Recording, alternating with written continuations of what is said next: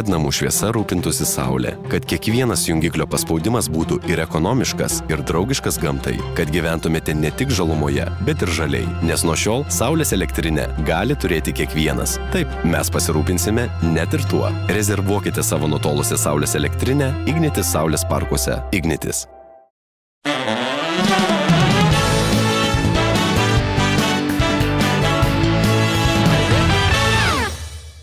Sveiki, bičiuliai Laisvės televizijos žiūrovai. Jeigu jūs mus žiūrite sekmadienį, be abejo, mamos diena. Gal kažkas dabar ir prisiminė, kad mamos diena ir dabar skubiai bėgsite pirkti tulpių ar narcizų. Ir mano šios laidos viešne yra labai logiška šiai dienai. Aš sveikinuosi su Vilniaus gimdymo namų direktorė profesorė Kornelija Mačiulienė. Labas vakaras. Labas vakaras. Arba labas rytas, nežinau, mes patys nežinom, kada mes čia mus, mus žiūri, nesvarbu. Kornelija, kiek, ar esate skaičiavus, kiek per savo karjerą profesinę esate prieimusi gimdymų? Esate atvedusi vaikų į pasaulį?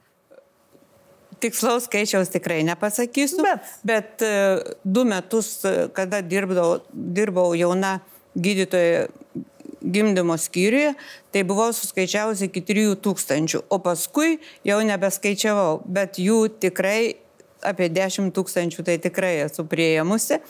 Ir e, labai džiaugiuosi, kad tų tokių sudėtingų atvejų, kuriuo, dėl kurių turėčiau labai gailėtis, e, neturėjau. Ir tai manau, kad tai yra didžiulė mano laimė. Nors komplikacijų buvo įvairiausių mm. ir aš ne vieną kartą vaikščiau ne tik tai su savo vaikais, bet ir su ta gimdyvė arba pagimdžiusi arba su blogesniu naujagimiu kartu mintise visą laiką būdavo kokia nors nepavykusi man problem, nepavykusi mm. išspręsti problema. Tai buvo visas gyvenimas toks kartu, liktai ir pacientė kartu, ir vaikai, ir šeima, ir viskas tas būdavo susipinę į vieną. Dėl tai jums mamos diena tokia kitokia yra turbūt. Ar ne tik jums apskritai, akušeriams turbūt.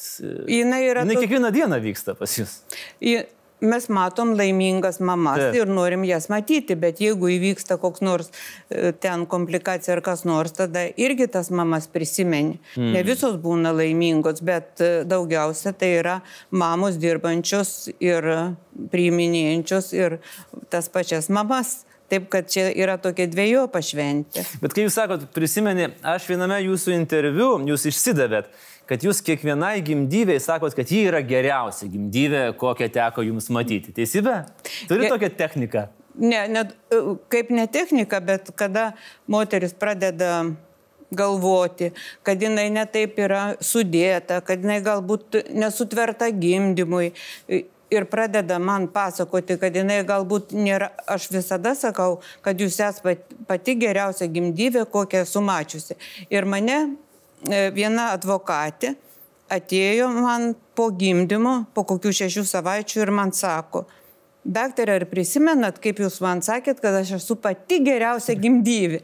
Ir tada jinai, kadangi advokatė, matomai e, gaudo irgi žvilgsnį, jinai man sako, dabar supratau, jūs turbūt sakot kiekvienai.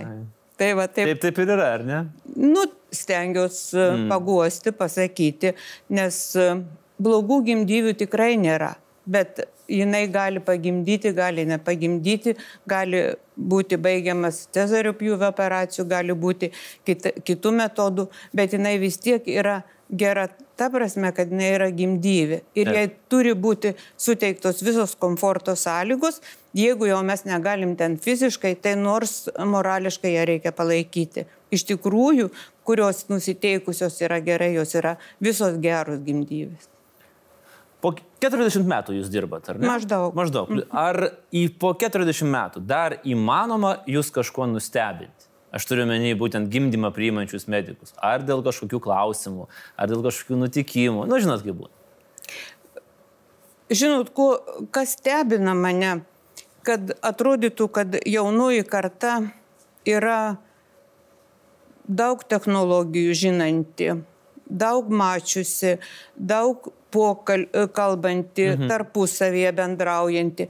Aišku, aš noriu pabrėžti, kad jos bendrauja daugiausia socialiniuose tinkluose, bet mane stebina tai, kad labai daug įtakos turi tas aplinkui vadinamasis gimdyvės sociumas.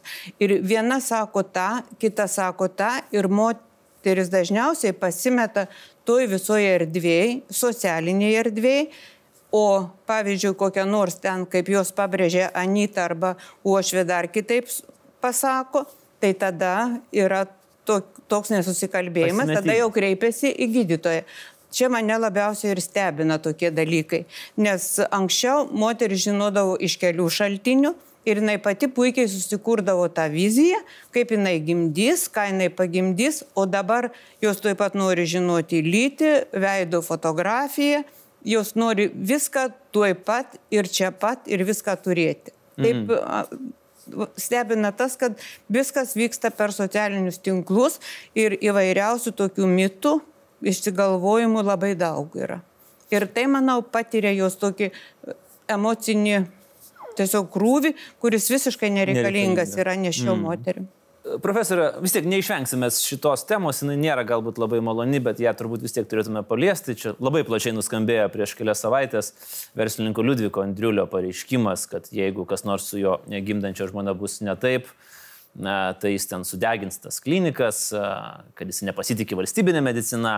Po to, aišku, jis atsiprašinėjo ir ištrynė, ir viešai atsiprašė, ir visų medikų atsiprašė, sakė, kad tai yra didžiulis stresas, kurį jis patyrė.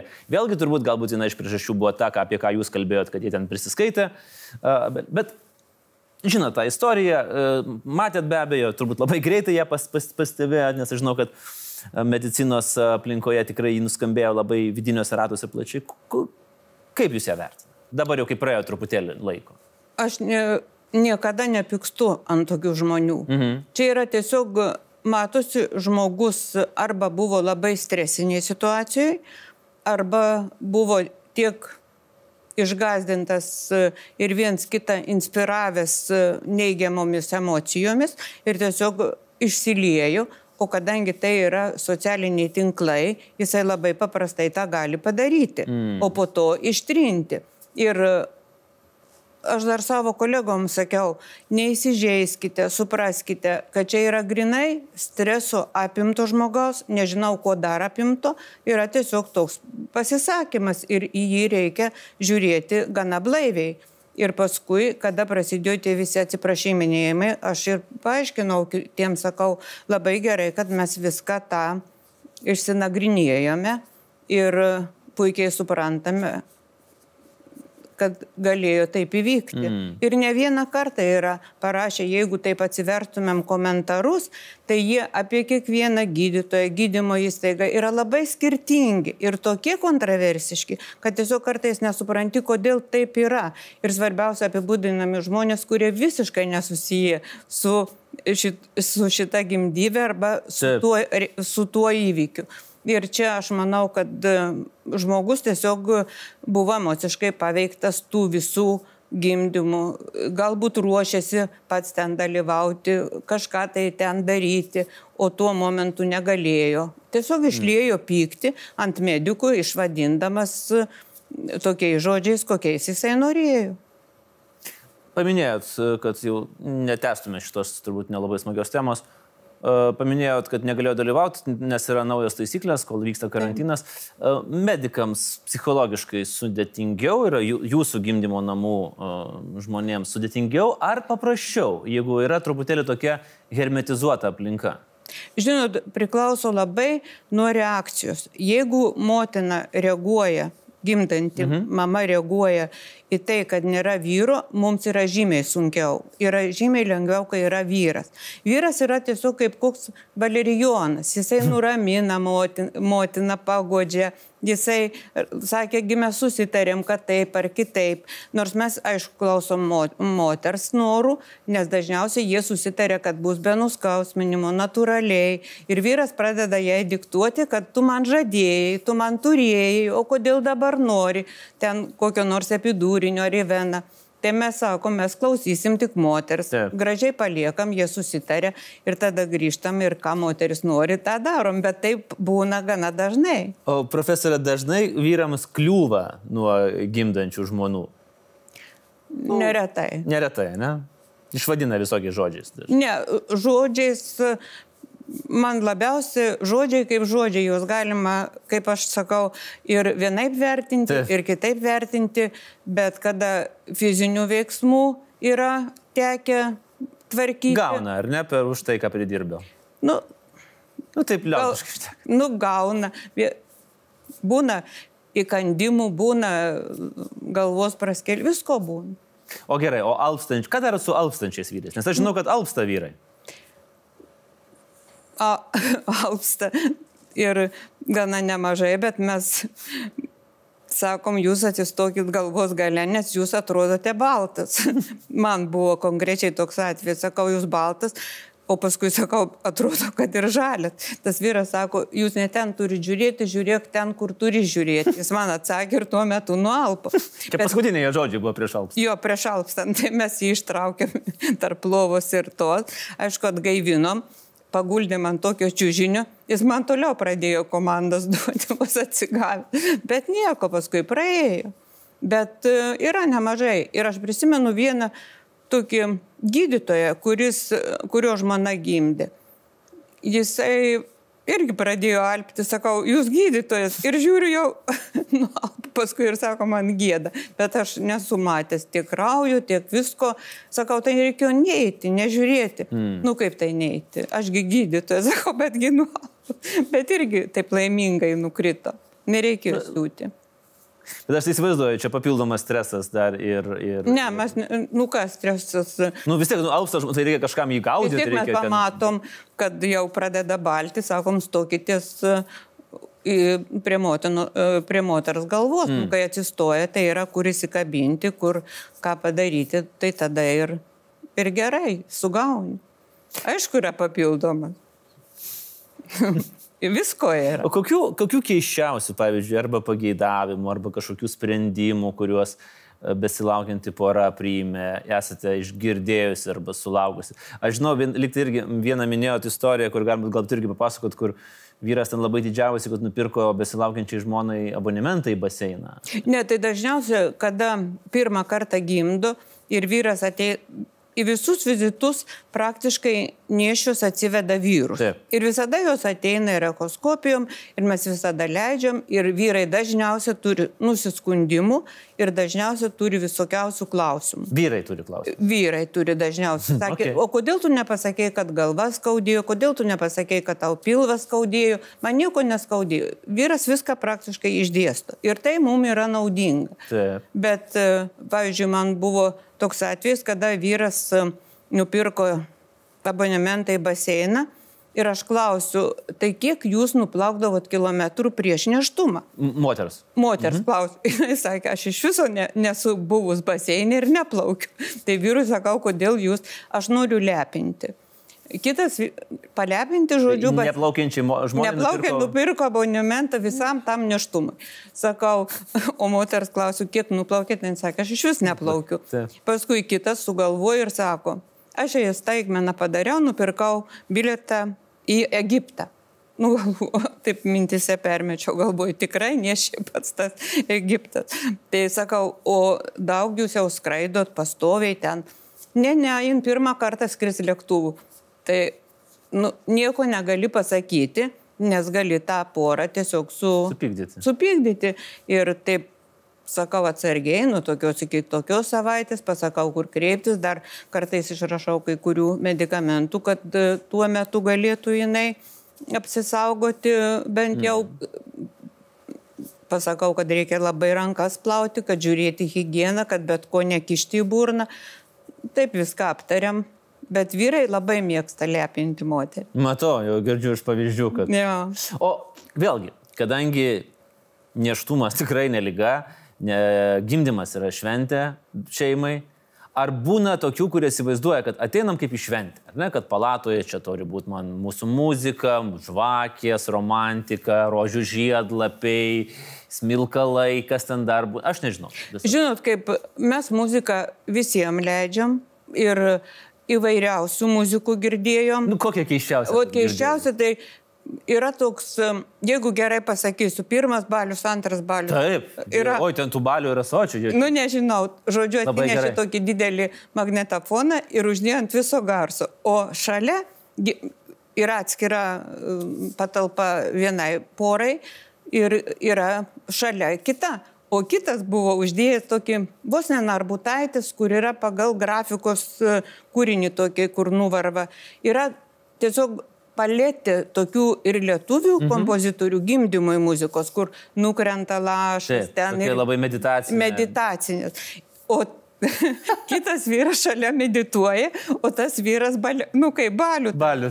Tai mes ten sakom, tai kurį dabar čia atjungti, bet paskui jau mums patiems gal, galva pradės skaudėti nuo to baliaus. Nuo baliaus pradėjo galva skaudėti. Nu kur, pažiūrėjau, man nepatinka baliai. tai, bet negali pasakyti, kad nepasakom truputėlį, jūs švelniau, tylė, bet sakė, čia mūsų mėgstamiausia muzika yra ir žodžiu, nu, tai va taip reikia. O Gerai, muzika, su muzika, aha. Tvarko. Labai daug. Bet dabar, kiek ateina moteris, jau tų balių tikrai neatsineša. Atsineša dažniausiai, nes internete dabar galima nuo debiusi gimdymui skirtų įsirašyti iki mūsų narbutaitės ar ten šerknytės, e, kur yra apjungta daugiau mažiau ta rytietiška ir lietuviška tokia muzika. Tai tokius nu, e, daug girdžiu tokios. Profesorė, kaip keičiasi e, gimdyvės paveikslas, tarkim, per va, šituos 30 nepriklausomybės metų? Ar moteris jaunėja, ar eina kaip tik vyresnės tampa pirmą, 81 gimdymo metu, ar, ar dar yra kažkokia specifika, kuri atsiranda su laiku ir matot, kad mat, yra dėgiama? yra didelį, didelis skirtumas, jeigu mes žiūrėtumėm amžių, tai anksčiau vidutinis amžius būdavo 21-22 metai. Mhm. Dabar jau yra 28-29. Dar aš gerai negaliu pasakyti, ko, kokie bus už 19 metus, bet bus apie 29 metus. Nes dažniausiai, aš turiu omeny Vilniaus miestą, Taip. tai dažniausiai yra pasirengusios po mokslų, karjerą kažkokią tai padariusi, sukūrusi materialinę bazę. Jis visiškai kitaip žiūri motinystę, bet jinai yra jau 29 metų. Mhm. Po tokių, kur 20-21 metų gimdo, jau yra rečiau. Ir dėl to susidaro tas tarpas, tokia laužyta kreivė, kada gim, gimdymus, gimdymų skaičius mažėja ir vėl didėja, tai čia galima spręsti iš to, kad du metai praktiškai kiekvienais metais beveik nusikelia. Prieš kokius penkis metus buvo 26-27, mhm. dar prieš tuos buvo 24-26 ir tas e, labai įtakoja. Tai netrukus iš principo galima bus sakyti, kad 30 yra tas vat, normalus tarpinis taip, amžius pirmajam gimdymui. Taip, dėl to, kad Skandinavijoje gimdo 34-36 metų. Ir mes kiek turim, pavyzdžiui, gimdymų iš Švedijos, ten, kur atvažiuoja iš Švedijos ar ambasados, tai jos dažniausiai gimdo 34-35 metų. Ir, ir čia turbūt galima dar ir mokslo pažangai priskirti, kad e, ar tas stereotipas yra, kad, na, vėlesniam amžiui yra pavojingiau, sunkiau gimdyti? Žinot, kaip e, aš taip manau, iki 35 metų yra praktiškai galima sakyti, kad tų rizikos faktorių nėra. Mhm. Bet jeigu mes paimtumėm 40 metų moterį, jinai jau turi kažkokį tai lygų bagažą. Vis dėlto 40 metų sulaukti ir niekuom nesirgti, mhm. tai yra sunku. Jau ir kraujospūdis kyla, ir e, koks nors e, širdies ritmo sutrikimas buvo, ir tai to perdozuota buvo, tai to perdozuota buvo. Žodžiu, yra jau sudėtingiau. Dėl to, kad virš 40 metų tas lygų dažnis yra daug sutinkamas mm. dažniau negu, pavyzdžiui, iki 35 metų. Ar teisybė, kad lietuviai kūdikiai yra didesni negu kūdikiai kur nors vakarų Europoje, ten, sakykime, Vokietijoje, Prancūzijoje ar kitur. Aš girdėjau tokį. Su Prancūzija yra taip, kad ten yra žymiai mažesni, bet e, jie patys ten nagrinėjo, prancūzų čia. Mhm. Jie mano, kad e, labai daug yra gimdyvių, kurios rūko ir nemeta to rūkimo. Bet čia sunku pasakyti, nes rūk, rūkančios moteris visada gimdys mažesnius. Bet apskritai aš manau, kad jos yra kitokio sudėjimo negu mes ir, ir jos gimdo mažesnius tuos vaikus. Ir, o pas mus yra gana dideli gimdomi vaikai. Mm. Nors moteris yra nenutukusi, jinai yra normalaus sudėjimo, kaip aš sakau, gražiai sudėta, gimdymui tikrai graži, bet yra per dideli vaikai. Ir čia ne nuo jos priklauso, mm. tiesiog mes taip esam suprogramuoti. Politikai dažnai spekuliuoja tą tokią frazę, kad mes čia išgyvenam demografinę krizę, reikia moteriams gimdyti kuo daugiau vaikų, tada bus na, valstybė atjaunės, bus lengviau. Na, jų darbas toksai daug, daug kalbėti.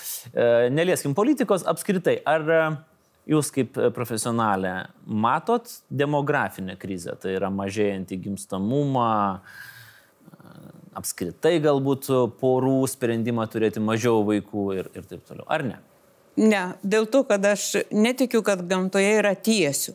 Mm. Jeigu mes galvotumėm, kad gamtoje yra tik tiesis, tai tiesė gali nueiti į nulį. Bet uh, gamtoje vis dėlto tiek gamtiniuose reiškiniuose, tiek gimdyme yra laužyta kreivė. Jis vienu metu šiek tiek maži, e, lūšta žemyn, po to yra kilimas ir vėl lūšta žemyn, vėl kilimas. Ir taip, jeigu mes panagrinėtumėm per kokį 40-50 metų, būtų ir lūžių, ir kilimų, ir įvairiausių e, tokių, jeigu kreivė, imtumėm kreivę, o mm. tiesis tikrai gamtoj nebus. Jeigu, pavyzdžiui, buvo ten klimato kaita ir mes jau matėm, kad ten nebeįmanoma, kur yra. Dabar pragėdrėjo visas dangus ir ta kreivė Ten. leidžiasi žemyn ir paskui prasidės vėl jinai kils aukštyn. Aš lygiai tą patį matau ir su gimdymais. Susidaro porą metų, kadangi jos vyresnės gimdo, nori susikurti savo gyvenimą ir dėl to Ten. yra tokie dalykai. Aš tik manau, kad nepavydžiu jums dėl būsimojo darbo krūvio, kai praeis devyni mėnesiai po karantino. Nu, aš... Jausi, manot, kad bus? Jeigu labai atsakingai, šitas virusas nėra niščiosiom ištirtas, kaip jis veikia neštumą, kaip jis veikia neščiai. Mhm. Ir aš dabar praktiškai užmečiau visą savo literatūrą grožinę arba mokslinę, e, domiuosi tik tai to COVID ir neštumu. Tai tokių Kinijoje yra atlikti darbai, ten nedaug neščiųjų ir Italijoje. Italų tokia gana padrika yra, o kinų yra dar į anglų kalbą nelabai daug išversta tokių straipsnių. Tai kiek aš suprantu, dar mes labai labai mažai žinom apie COVID ir neštumą. Ir dėl to, kad jeigu protingai šeima gyvens, turėtų bent jau šiuo metu šiek tiek, kol bus duomenys, e, saugotis neštumų. Nu, bet, bet, kadangi... Bet sunku, kai namuose uždarytas du mėnesius ir nėra ką daryti daugiau. Čia, taip turėtų būti. Uh, Profesorė, aš teisingai suprantu, kad jūs, jūs pati esat iš e, medikų ir netgi, sakykime taip, akušerių ir gynekologų taip. dinastijos, ar ne? Panašiai. Mama? Mama. Teta? Taip, daug buvo. Taip. Ką, ką jos sakė, kai jūs nu, nusprendėt pasirinkti, sakėt, nu va, aš irgi būsiu akušerė. Ne viena nesutiko. A ne? Ir sakė, kur tu lendi. Aš prisimenu labai gerai, man sakė, kur tu lendi. Tu nežinai, aš sakau, aš iškau iššūkių. Tai palingavo galvą ir sakė, kur tu lendi. Kokius 3-4 kartus ir teta tą patį sakė ir, ir mama. Bet net kalbėjo. Jūs negaliu nieko atkalbėti, nes aš tiek buvau susižavėjusi tą specialybę, man atrodo, kad nieko kito nėra. Ar čia dėl to, kad mamą matėt? Ar, ar, ne, ar... dėl to, kad apskritai man patiko akušerijoje, aš kažkaip tai labai pradėjau anksti domėtis tą akušeriją. Nu, ne, ne vaikas, aišku, bet e, mediciną studijuoju. Nu, kai vaikas turbūt buvo lėlės gydėt, ne? Visą laiką. Taip? Taip, ir džiūdavo tos lėlės, kadangi buvo pripilta, ne, nežinau, žemaitijoje mes vadinam spalį ar kažkaip tos lėlės, mūsų tokios būdavo, nes aš tik prileisdavau vandens. Tas lėlės begydydama, kad paskui padžiaudavo, išdžiūdavo ir vėl leisdavo. Tai visą laiką gydžiau. Kit, kitos specialybės neįsivaizdavau. Mm tokios, o taip išėjo, taip susiklosti. Medikų vaikams apskritai sudėtinga yra. Nu, mano vaikam irgi yra nelengva. Dėl to, kad e, mano dukra irgi yra akušerė gynekologija. Taip. O jūs atkalbinėjot savo dukrą? Aš nieko nesakiau ir, ir žentas yra akušeris gynekologas. Aišku, Aš pasakiau, kad tai bus labai sunku ir kad gal geriau neįtų, bet aš žinojau, kad nieko čia ne. Aš Na ne- gerai. Susirenkat jūs prie kalėdų stalo. Aš dar žinau, kad tokia man e, ganda atnešė, kad jūs labai kruopšiai ruošiat kalėdų stalą. Maždaug e, Prieš du mėnesius Nu, visi patiekalai yra. Tris mėnesius. Nu, du, tris mėnesius. Du, tris mėnesius. Planuoju. Taip. Ir gerai, tai apie ką jūs kalbat? Ar jūs kal... visi trys akušeriai, nu ir aš akušeriai, na, dukra akušeriai, vienas akušeriai. Tai apie darbelį kalbat? Ne, mes kitaip kalbam, kadangi yra, mes dažniausiai paruošiam tokį vieni filmą, kiti tokias, ska, įjungiam kompiuterį ir per televizorių dažniausiai parodom, kas tais metais mūsų šeimose įvyko, mhm. visas nuotraukas. Taip. Kartais pamatai ir galvoji, o iš kur tas galėjo būti. Vienas kitą tiesiog per metus e, fotografuojam, sekam Aha. ir paskui pagal mano mamos jau tokia tradicija, jinai aišku susirašius ant popieriaus būdavo, užduodam klausimus, kas ko dar nežinom apie kalėdas. Ir ten, kadangi du anukai jėzuito mokyklą lanko, tai jie dažniausiai nugalėtojai renkam. Nu, ir, žodžiu, tokia viktorina. Ir ta viktorina dažniausiai ir baigėsi. Nereikia tų visų kalbų, nes jeigu mūsų visus paleistų kalbėti mediciniais klausimais, matoma, ir tų kalėdų nebūtų, ir kučių nebūtų tokių. Vis tiek kučios kalėdos turi būti taikios, ramios Be šeimoje. Tai medicininių ir nebūna, bet teminiai visada būna. Medicininės. O aš dar žinau, profesorė, kad jūsų vaikai, kai reikėdavo rašyti rašinėlius, Taip. jie rašydavo taip, aš pacituosiu, jeigu aš teisingai pacituoju, pataisysit mane, jeigu aš suklysiu. Mama grįžo pavargusi, jai skaudėjo galvą ir kepenis. Nežinau, kodėl parašė kepenis, bet, Bet jinai nunešė. Taip, parašė. Vyresnioji, kuri dabar pati yra gynekologė ir kuri paveldėjo iš manęs migreną. ir, bet jos dukra kažkodėl neparašė, o jinai parašė. Bet o kodėl ke, kepenis? O jai taip atrodė, kad taip. gal skrandis, nežinau kas skaudė, bet jinai parašė kepenį. Na tai mokykloje turėjo būti įdomi Nu kaip, reakcija klasėje. kiekvienas ten aprašė, Taip. taip. vieniem galvas skaudėjo, bet jie aprašė apie savo mamą, Taip. taip, kaip jai atrodė. Ir visą laiką tai prašydavau. Ką nors tokio, kur aš pati kartais nustebdavau, sakau, kodėl tu parašai kepenis. Ir jinai man parodė visai kitoj pusėje uh, tas kepenis, kurie atrodė. Kurie atrodė ten. Taip, nes uh, būdėjimai būdavo sunkus. Mm. Būdavo, mes turime, aš dirbau gim- gimdymo skyriui tais metais, kai buvo 6500 gimdymų ir per parą būdavo 33-32 gimdymai, tai praktiškai nei užmygęs, nei pri... mm. nieko nebūdavo. O technologijos palengvino akušerių gyvenimą? palengvinu tą prasme, kad mes jau dabar galim išgirsti tonus e, visą laiką, bet kur būdami. Tai yra viena. Antra, yra kartu prijungiama ir kraujospūdis, o taip reikėdavo kas e, po kiekvieno sarmio klausyti vaisiaus širdies tonus su, su mediniu stetoskopu. Ir reikėdavo sekti kraujospūdį, jeigu su didesniu kraujospūdžiu. Ir taip eidavai matuoti ir galvodavai, kiek dabar bus. O dabar viską rodo vienas aparatas. Žinoma, palengvinu. Labai. Ar aš teisingai suprantu, kad šitoje sferoje, tai yra kušerija, prenatalinis. e, Jo perinatologija labai vis. Kad Lietuva yra, ir Lietuva yra viena iš tikrai na, sėkmingai veikiančių valstybių. Mes tikrai negalim čia skūstis, kad esame atsilikę. Ne, mes negalim skūstis dėl to, kad mes labai gerai įsisavinom e, šveicarų suteiktą paramą ir kartu, aš nesakau apie kokias įrangas paramą, bet tą metodinę paramą, mhm. kaip viską daryti, kaip turi būti atliekama. Jeigu gerai įsisavinai, tada ir rezultatas yra geras. Niekada nereikia iš tokių programų, kurios yra kurtos būtent tai šaliai, ignoruoti, tiesiog ją reiktų vykdyti. Ir daug tokių programų yra visai gerų, bet visadagi pas mus noras yra ją interpretuoti, pasukti, apsukti. Bet jei, o šveicarų programa buvo tiesiog mūsų visų ryštas toks ir mes ją įgyvendinom. Tai dėl to mes turim ir tą perinatalinį mirtingumą mažesnį ir nieko daug neatsiliekame nuo vakarų perinatalinių mirtingumo kai, kai kur mm. ir geresnių. Ir uh, pabaigai paskutinis toks gandelis, kurį man paukšteliai atnešė irgi iš uh, gimdymo namų ant, ant, ant, ant odegos.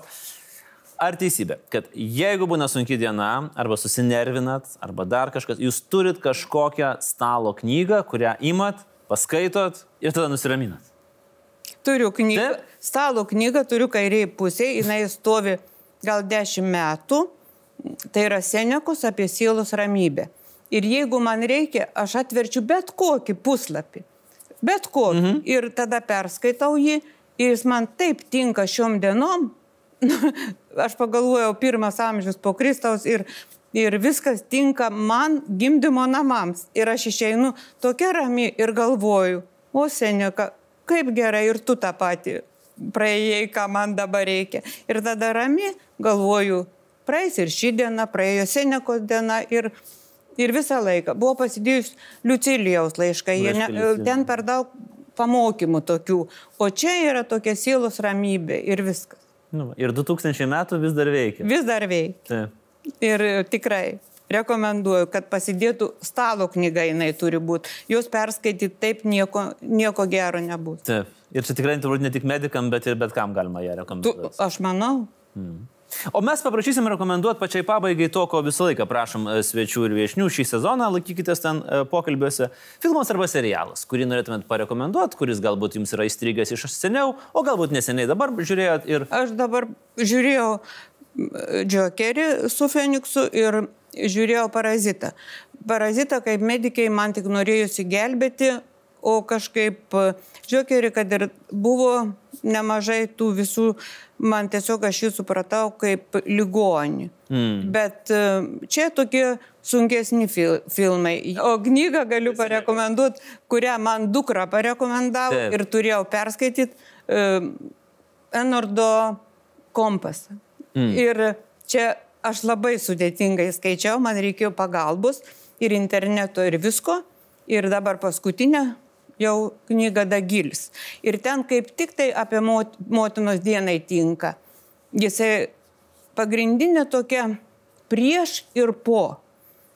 Kol jis buvo su motina, viskas buvo liktai ir gerai, jis augo normalus, geras vaikas. Ir po motinos mirties ir iš didžiosios raidės yra parašytas po ir prieš.